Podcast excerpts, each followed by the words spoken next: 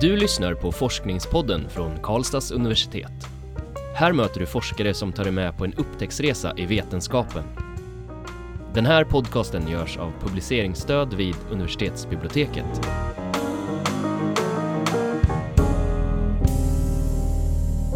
Hej och välkomna, mitt namn är Nadja. Jag heter Magnus. Och idag ska vi prata om någonting som vi tror alla som lyssnar kan relatera till. Tänk innan du tar ett beslut eller first things first, think before you decide. Så heter nämligen Johan Netts doktorsavhandling. Och vi har inte bara avhandling här utan även Johan, välkommen. Tack. Eh, Du är alltså nu bliven doktor i företagsekonomi och har skrivit en avhandling där du tittar på hur företag beslutar vilka nya idéer som är värda att gå vidare med och vilka som förkastas. Berätta. Ja. det var en öppen fråga. Eh, nej, jag, jag, har, eh, jag har som sagt jag, jag har fokuserat väldigt mycket på företag som får in nya idéer. Eh, för att ett problem som många företag möts av idag när vi pratar med, i och med att IT och relaterade saker finns, så får man så otroligt lätt att nå ut till människor och fråga kan ni hjälpa oss med idéer? Eh, för många företagare kommer fram till att ja, men vi, vi behöver idéer för att vara innovativa. Och det är visserligen en sanning i det. Problemet är att när du, det är som att öppna Pandoras ask nästan. Eh, så att konsekvensen kan bli att du kan få in tusentals idéer, åter tusentals. Så att jag brukar ha ett exempel, det är IBM som Ja, de öppnade upp för hela, tog med hela bolaget, alla interna medarbetare, men då är vi med kunder, partners och, och folk utanför företaget. Och så sa de att ja, men vi behöver nya idéer. Så på tre dagar så, så körde de ett, eh, ett öppet event, nätbaserat. Eh, och de fick in över 40 000, jag tror 42 000 idéer på tre dagar. Eh, går man ner sen i slutet när man läser lite om det här så visar det sig att det, det, i slutändan var det 50 personer som hade till ansvar att faktiskt välja ut och ha sista liksom, final call på vilka av de här idéerna ska vi ens gå vidare med. Och tar man i förhållande så det, blir någon här 900 plus idéer per person eh, att gå igenom. Och det, och med tanke på klassisk så här, psykologi man har att om man ska memorera telefonnummer så brukar man säga att du kan komma ihåg typ tre eller fem nummersekvenser. Men om du har 900 idéer där idéerna kan vara liksom från en mening till liksom en sida lång beroende på hur väl gjorde de här från början. Alltså, den uppgiften är nästan den är löjlig. Eh, och det som många vill göra då det är att, alltså klassiskt, alltså, man vill ju försöka tänka rationellt. Eh, och, och liksom, han vill inte lägga pengar, för vi har ju inte pengar att lägga hur som helst på allting.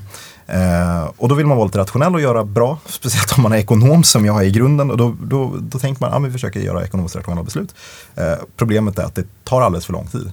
Eh, och då sitter man i momentum att det blir en flaskhals egentligen. att det tar så lång tid att gå igenom idéerna överhuvudtaget, bestämma vilka vi ska titta vidare, djupare på.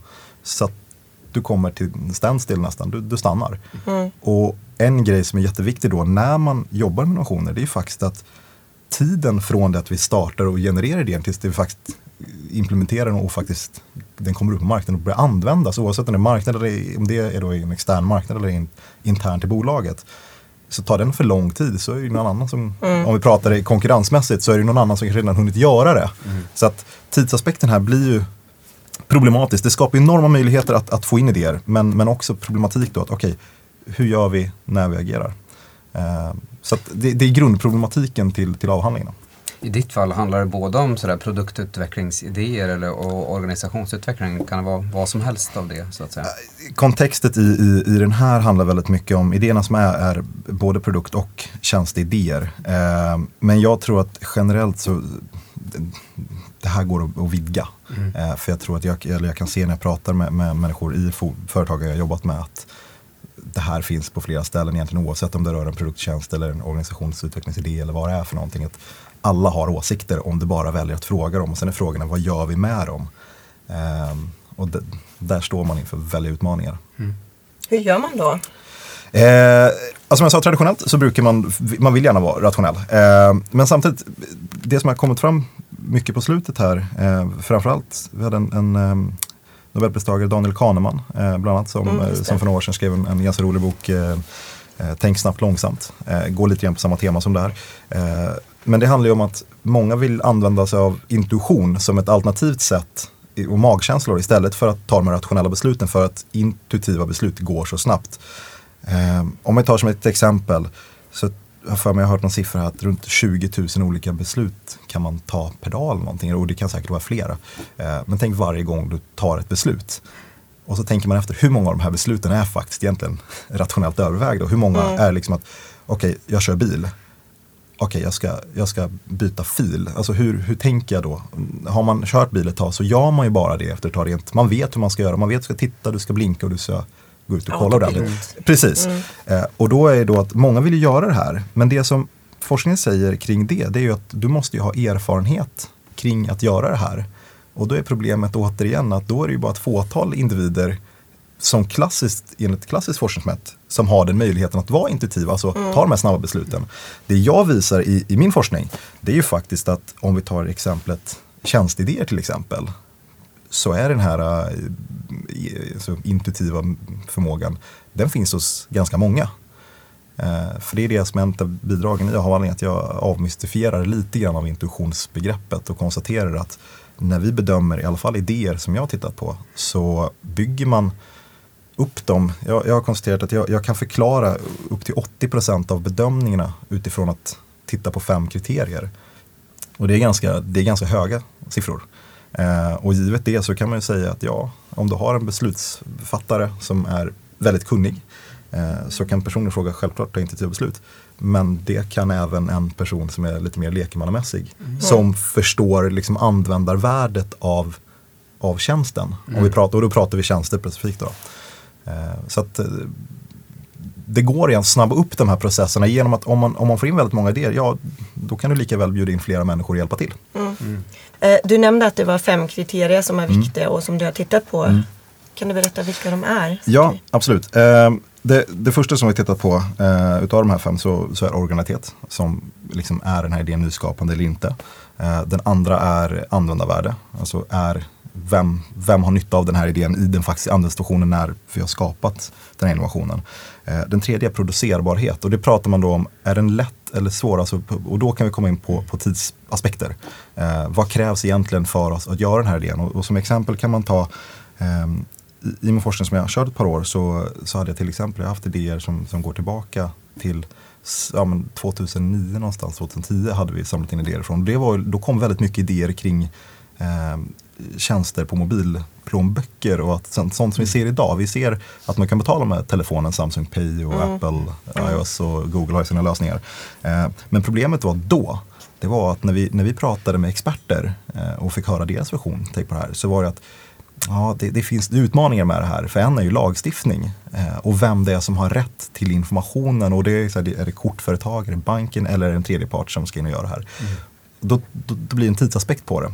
Eh, så att eh, producerbarheten är den tredje. Och sen de två, de, de två sista då, dels är den här strategiska Passar, passar det här in i bolaget vad de håller på med, vi kallar för strategic fit. Och den sista är då självklart så har vi med ett profitability. Och profitability är ju då, liksom, är det här någonting som faktiskt skulle kunna skapa lönsamhet? Det som är intressant med, med de två sista, det är faktiskt det att de kommer utifrån en initial studie där jag lät experter eh, göra, alltså man kallar för tänka högt-metod, att de, de, de fick sitta i en situation och bedöma idéer. Men istället bara för att liksom markera på ett papper så fick de både göra det men samtidigt då så fick de även verbalisera vad de tänkte. Och det här är en, det, är en metod som, som bygger på, det är faktiskt en svensk, Anders, Anders eh, Karlsson, om jag inte helt fel, eh, som eh, är i USA och har jobbat en hel med en annan kille som heter Herbert Simon som också är Nobelpristagare. Eh, och eh, då kommer fram till att alltså, experter, förutom de här tre första kriterierna, så tittar de även då på självklart strategic fit och eh, alltså om, om de kan göra pengar på det. Det intressanta i det, det är när man sen jämför när de faktiskt utvärderar idéer och, och vi, vi gör regressionsanalyser. Eh, för då kan vi se att ja, de, de lägger lite tid på det här, men det är inte alls så mycket tid som man kan tro. Utan det de faktiskt tittar på, det är precis som vanliga personer som inte är experter. Man tittar på, är den här användbar överhuvudtaget? Och det är egentligen det som är liksom den stora takeawayen härifrån. Att det är det man ska titta på. Har du en idé som du inte kan förklara användarvärdet på, ja, men då är det ganska värdelöst. Det är lite grann som man går in i, i draknästet, den här gamla, eller Dragons Den som man har sett. Alltså personer som har svårt att förklara vad nyttan med den här är, de har väldigt svårt att liksom få igenom någonting. Men det som är intressant där, som, som oftast blir den här monetära, det är att de drakarna som sitter där, för att de ska vilja investera så vill de också ha en avkastning. Eh, och det här kan bli ett jätteintressant men det kan bli problematik i det här. För det kan alltså finnas jättebra idéer som slår enormt högt på användbarhet. Men som vi inte kanske kan förstå för att vi inte kan se, ja, vi kan vi räkna på de här idag? Nej, det kan vi inte för att de är så tidiga. Idén är kanske inte är utvecklad. Jag kan förklara den i grova drag, men jag vet inte mera. Och då gör det att det är väldigt svårt att räkna på den och det kan ju då påverka att många idéer kanske slängs fast de egentligen är, har en grym potential. Mm. Vad är det lekmännens bidrag eh, kan bli i sådana här beslutsprocesser? Det är väl framförallt att jag, jag menar ju på det att när man, när, för det första så måste man komma ihåg att man, alltså det kommer alltid vara någon som tar det slutgiltiga beslutet för det, den, den makten vill man ju inte gärna säga upp sig helt plötsligt. Mm. Även om alltså, man kan tänka demokratiskt och säga så, för då, kan man ju liksom, då vet man inte riktigt vad som händer med företaget. Man måste kanske ha en riktning i för bolaget ändå, så de strategiska bitarna är ju viktiga. Eh, men det som lekmännen kan komma och hjälpa till med om det är kunder eller om det är medarbetare som jobbar väldigt nära kunder, det är det att de kan framförallt belysa på sådana här idéer som kanske är då väldigt användbara och peka på att i den här riktningen så finns det någonting i de här idéerna. Eh, men vi kanske har svårt att liksom avgöra om de är potentiellt gångbara nu. Men då kan vi börja fundera på att okej, okay, vad är det som gör att vi inte kan räkna på dem? Kan vi titta lite mer på den här idén? Eh, så att vi faktiskt kan skapa liksom användarexempel, use cases så att vi kan börja räkna på det. Mm. Innan vi bara avfärdar dem som skit. Så du behöver ändå ha experterna där för att kunna ta det, ta det vidare så att säga? Ja, sen om det är experter eller vem det nu är, det, det, är, en, det är en annan fråga. Mm, ja. men, men, men det är ju någon, någon i slutändan så kommer det alltid vara någon som vill ha ett, ett slutgiltigt mandat att ta. Annars, så är, annars går vi mot det som vi kallar för crowd, crowdfunding och sådana här saker. Mm. Alltså att man, eh, eller um, crowdsourcing, att man, man, har, man låter egentligen, det är en ren demokratisk process. Mm. Där, där, den idén som har flest röster, det är ju ett, en, en version man kan ta.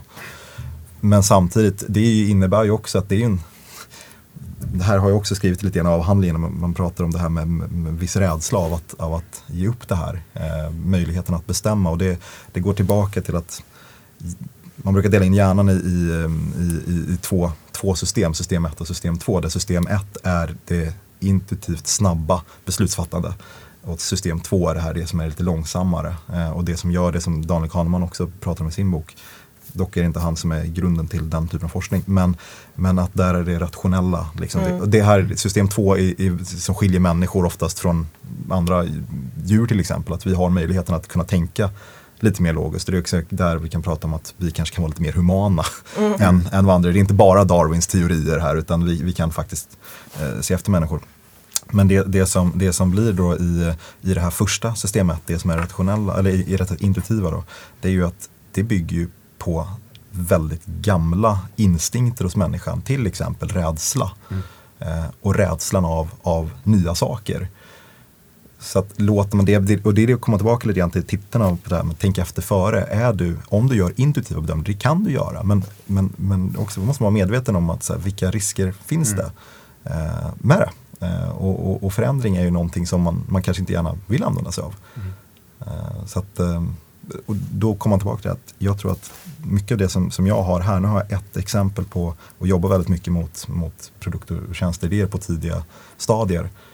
Men jag tror att tänka efter före, det kan man applicera på ganska många andra ställen mm. innan man gör korkade grejer. Mm. Vad, vad, skulle du säga är de viktigaste resultaten som du har fått fram i din avhandling som är nya? Som är...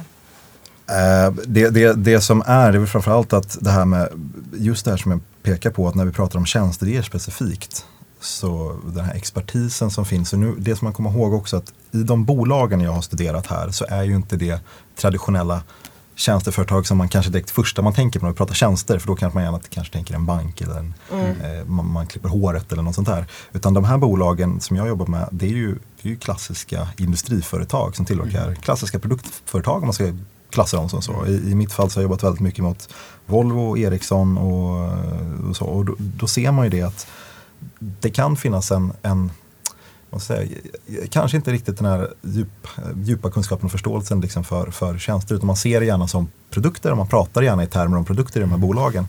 Eh, vilket gör att man vill ha någonting att räkna på. För mm. det är mm. lättare att räkna på vad en produkt kostnader för den är, så, den är fysisk en på något sätt. Ja. Eh, en tjänst är lite mer diffus, speciellt i de här initiala skedena. Mm. Eh, och då kan det vara svårare att, eh, att kanske då använda sig av alltså, den intuitionen som experter har, den, den är lika bra eller lika dålig som medarbetare. Vilket gör att du kan faktiskt involvera fler i processen. Mm. Och, och, det i sig, genom att involvera flera så kan det också skapa en acceptans. Det, det, det är ju självklart så att om du bjuder in folk och, i arbeten och, och får vara med och, och känna att de är delaktiga, det är klart det är positiva effekter. Jag är ganska övertygad om det. Att man... Mm. Så din forskning tjänar som en ögonöppnare för företagen att tänka på nya sätt och så kan man säga? Ja, skulle kunna, skulle kunna vara så, absolut. Mm, mm. Eh, har det varit liksom skarpa case som du kunnat göra här eller har ni, har ni teoretiskt testat? Eller hur, hur har ja, jag, jag, det var, en, det var en, av, en, av, en av sakerna jag vet på, på min disputation som, som, som jag vet att eh, man diskuterade. Det är ju att jag är som forskare, jag, jag är väldigt praktisk. Jag, jag vill se, för att jag ska förstå för mig själv så gillar jag att, okej okay, vad är det praktiska utmaningen här? Okej, okay, då tittar vi på den. Mm. Eh, så att alla idéer som kommer här är verkliga idéer. Det är idéer som företagen har samlat in eh, och det kan vara idéer, antingen så kommer idéerna i samband med att man har jobbat med kunder eller så är det att man har samlat in dem internt. Eh, och de här, eh, mina experiment som jag har utfört, de är ju verkligen liksom de har företaget, de resultaten där har man kunnat använda senare när man har gått vidare i processen och, och jobbar med idéerna. Mm. Eh, så att det, den är väldigt eh, praktiskt eh, fokuserad. Jag, självklart utgår jag ju från teorier när jag skapar experimenten och då framförallt de här som pratar om system 8 och system 2 teori gärna mm. fungerar. Och sen så är det en hel del då kring tidigare forskning kring ehm, kriteriebedömningar, de här rationella besluten, för det är ju det som har varit det klassiska. Okay. Så att jag bygger på det men, men det, är ingen, det är inte alls så mycket teori. Liksom, jag har ett teoribidrag absolut men jag utgår inte ifrån det om man säger så. Utan jag är mer praktiskt orienterad. Så vem hoppas du kommer att läsa din avhandling? Är det de här företagen i första hand eller äh, kan man då tänka utanför för dem också? Nej, men jag, jag, som, jag, som, jag sa innan, jag tror att jag, jag, självklart så folk som jobbar med det här och, och, sitter i de här situationerna och känner igen sig, absolut, det är en, det är en självklar målgrupp. Eh, men jag tror även då att det, det som sättet som jag försöker skriva på och skulle nog kunna även tilltala andra också. Eh, mer generellt egentligen mm. kring, kring beslutsfattande.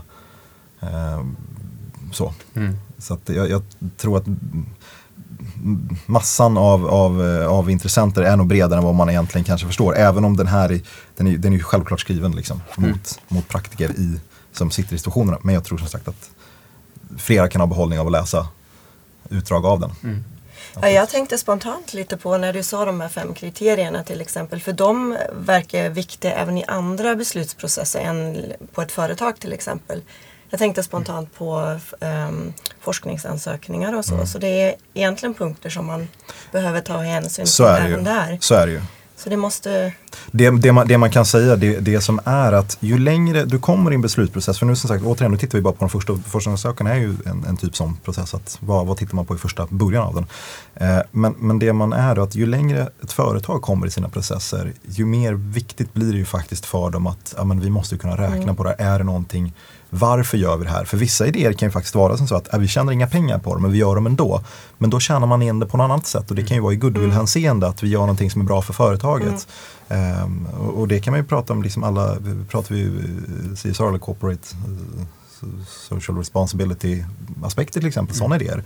Ja, men rent monetärt så kanske inte skapar någon direkt penningflöde in utan snarare ut. Men å andra sidan så skapar det ett sånt goodwill kring bolaget att det faktiskt genererar intäkter ändå. Mm. För att folk tycker att ja, det här bolaget är miljömedvetet eller det här tar ansvar för befolkningen och sådär. Och då känner man att ja, men det är bra ändå. Eh, så att det, det, det, monetära kommer bli mer och mer viktigt om man jämför mot eh, det, det i början. Men, men initialt sett så det viktigaste tycker jag det är återigen det användbarheten av det. Det, mm. det skulle jag säga det är min stora takeaway mm. här. Att utgå från det, är det användbart eller inte? Och är inte det, nej men då, då, då kanske vi faktiskt ska lägga ner innan vi drar det liksom. Ja. Eh, har det väckts nya forskningsfrågor av din studie? Och kan du gå vidare med dem? Eller vad gör du nu? Eh, ja, alltså, ja, självklart. Eh, ja, det jag skulle vilja titta mer på eh, framigenom är ju, är ju sådana frågor som vad, vad händer härnäst? Eh, och sen också frågor, liksom, vad, vad, hur, beroende på hur en idé till exempel är, är skriven, vad, vad finns det för någonting att lära kring det? Och det har jag faktiskt. Det har gått långt. Jag har, jag har ju två kollegor nu som, som är i, i doktorandfasen också. Som, som går in och tittar på sådana aspekter. Mm. Alltså hur, hur ska man, vad, vad, vad är en bra idé egentligen? Vad, mm. vad, vad är det? Alltså jag kan visa att det användarvärdet är jäkligt viktigt. Ja, men hur, hur får man fram det och, och, och, och så? Eh, finns det något magiskt sätt som man skulle tänka på? Eh, många vill ju gärna ha liksom en fix här, så här skriver vi en bra idé. Mm. Eh, och, och, det är jätteintressant att titta på sådana aspekter. Och sen kan man börja titta och analysera vad, vad, vad är det som gör att vissa idéer får fäste? Till exempel. Alltså är det annorlunda eller, eller vad, kan, man, kan man se att det finns andra aspekter inom ett bolag eller en organisation som gör att vissa idéer verkar vara mer liksom, mm. folk går igång på än andra. Och då kan man fundera på att ja, men, kontext hur Just man presenterar sådana ja. jätteviktiga saker. Och inte minst om vi pratar i, i, i, dagens samhälle när man ser i, alltså, alla de här politiska debatterna som går. Och egentligen, vad är det som gör att vissa idéer får fäste och, och hur funkar det? Mm. Um, det är ju å andra sidan kanske lite utanför mitt företagsekonomiska ja, fokus men, men det, det ger upphov till intressanta, intressanta tankar och funderingar. Mm. Det låter väldigt spännande. Eh, Johan, det börjar bli dags för oss att runda av. Men mm. en sista fråga innan vi avslutar. Du har ju forskat nu och skrivit en avhandling i fyra års tid åtminstone. Mm. Mm. Eh, eh, vi tänkte höra om du har något råd till nya doktorander som kanske är oroliga för att inte ro ett sånt här mastodontprojekt i, i hamn. Bästa tipset du har? Bästa tipset jag har? Alltså jag, jag har ju fått kommentarerna på, på slutet att jag är så jäkla lugn. eh, och jag har nog konstaterat det att så här, nej men, vad, är det, vad är det värsta som kan hända? Och det värsta som kan hända, ja, men det kanske skulle ta lite längre tid. Men ingenting är omöjligt, det är omöjligt att ta bara lite längre tid. Så att inte stressa upp sig. Alltså jag, jag det, många, man hör väldigt mycket om den här fasen att det går upp och ner. Det, alltså, ibland vet man vad man gör och så går man på en handledning och så vet man inte alls vad man gör. och ni som har gjort det, ni vet precis vad jag menar. Men, mm. men samtidigt så är det som så att ja, men, vill man bara så, så knyter man ihop där. Och det, det, det är liksom bara känn lugnet. Allting går att lösa på ett eller annat sätt. Känn lugnet, det tycker jag var en fantastiskt bra tips till ja. doktorander och kanske till oss alla också i denna stressade mm. tillvaro. Varmt tack Johan för att du har kommit hit och gästat Forskningspodden idag. Mm, Lycka till med ditt uh, fortsatta arbete. Mm. Och tack också till er som har lyssnat. Ni är välkomna till nästa avsnitt. Du har lyssnat på Forskningspodden från Karlstads universitet. Den här podcasten görs av publiceringsstöd vid universitetsbiblioteket. Alla avsnitt hittar du på kau.se forskningspodden.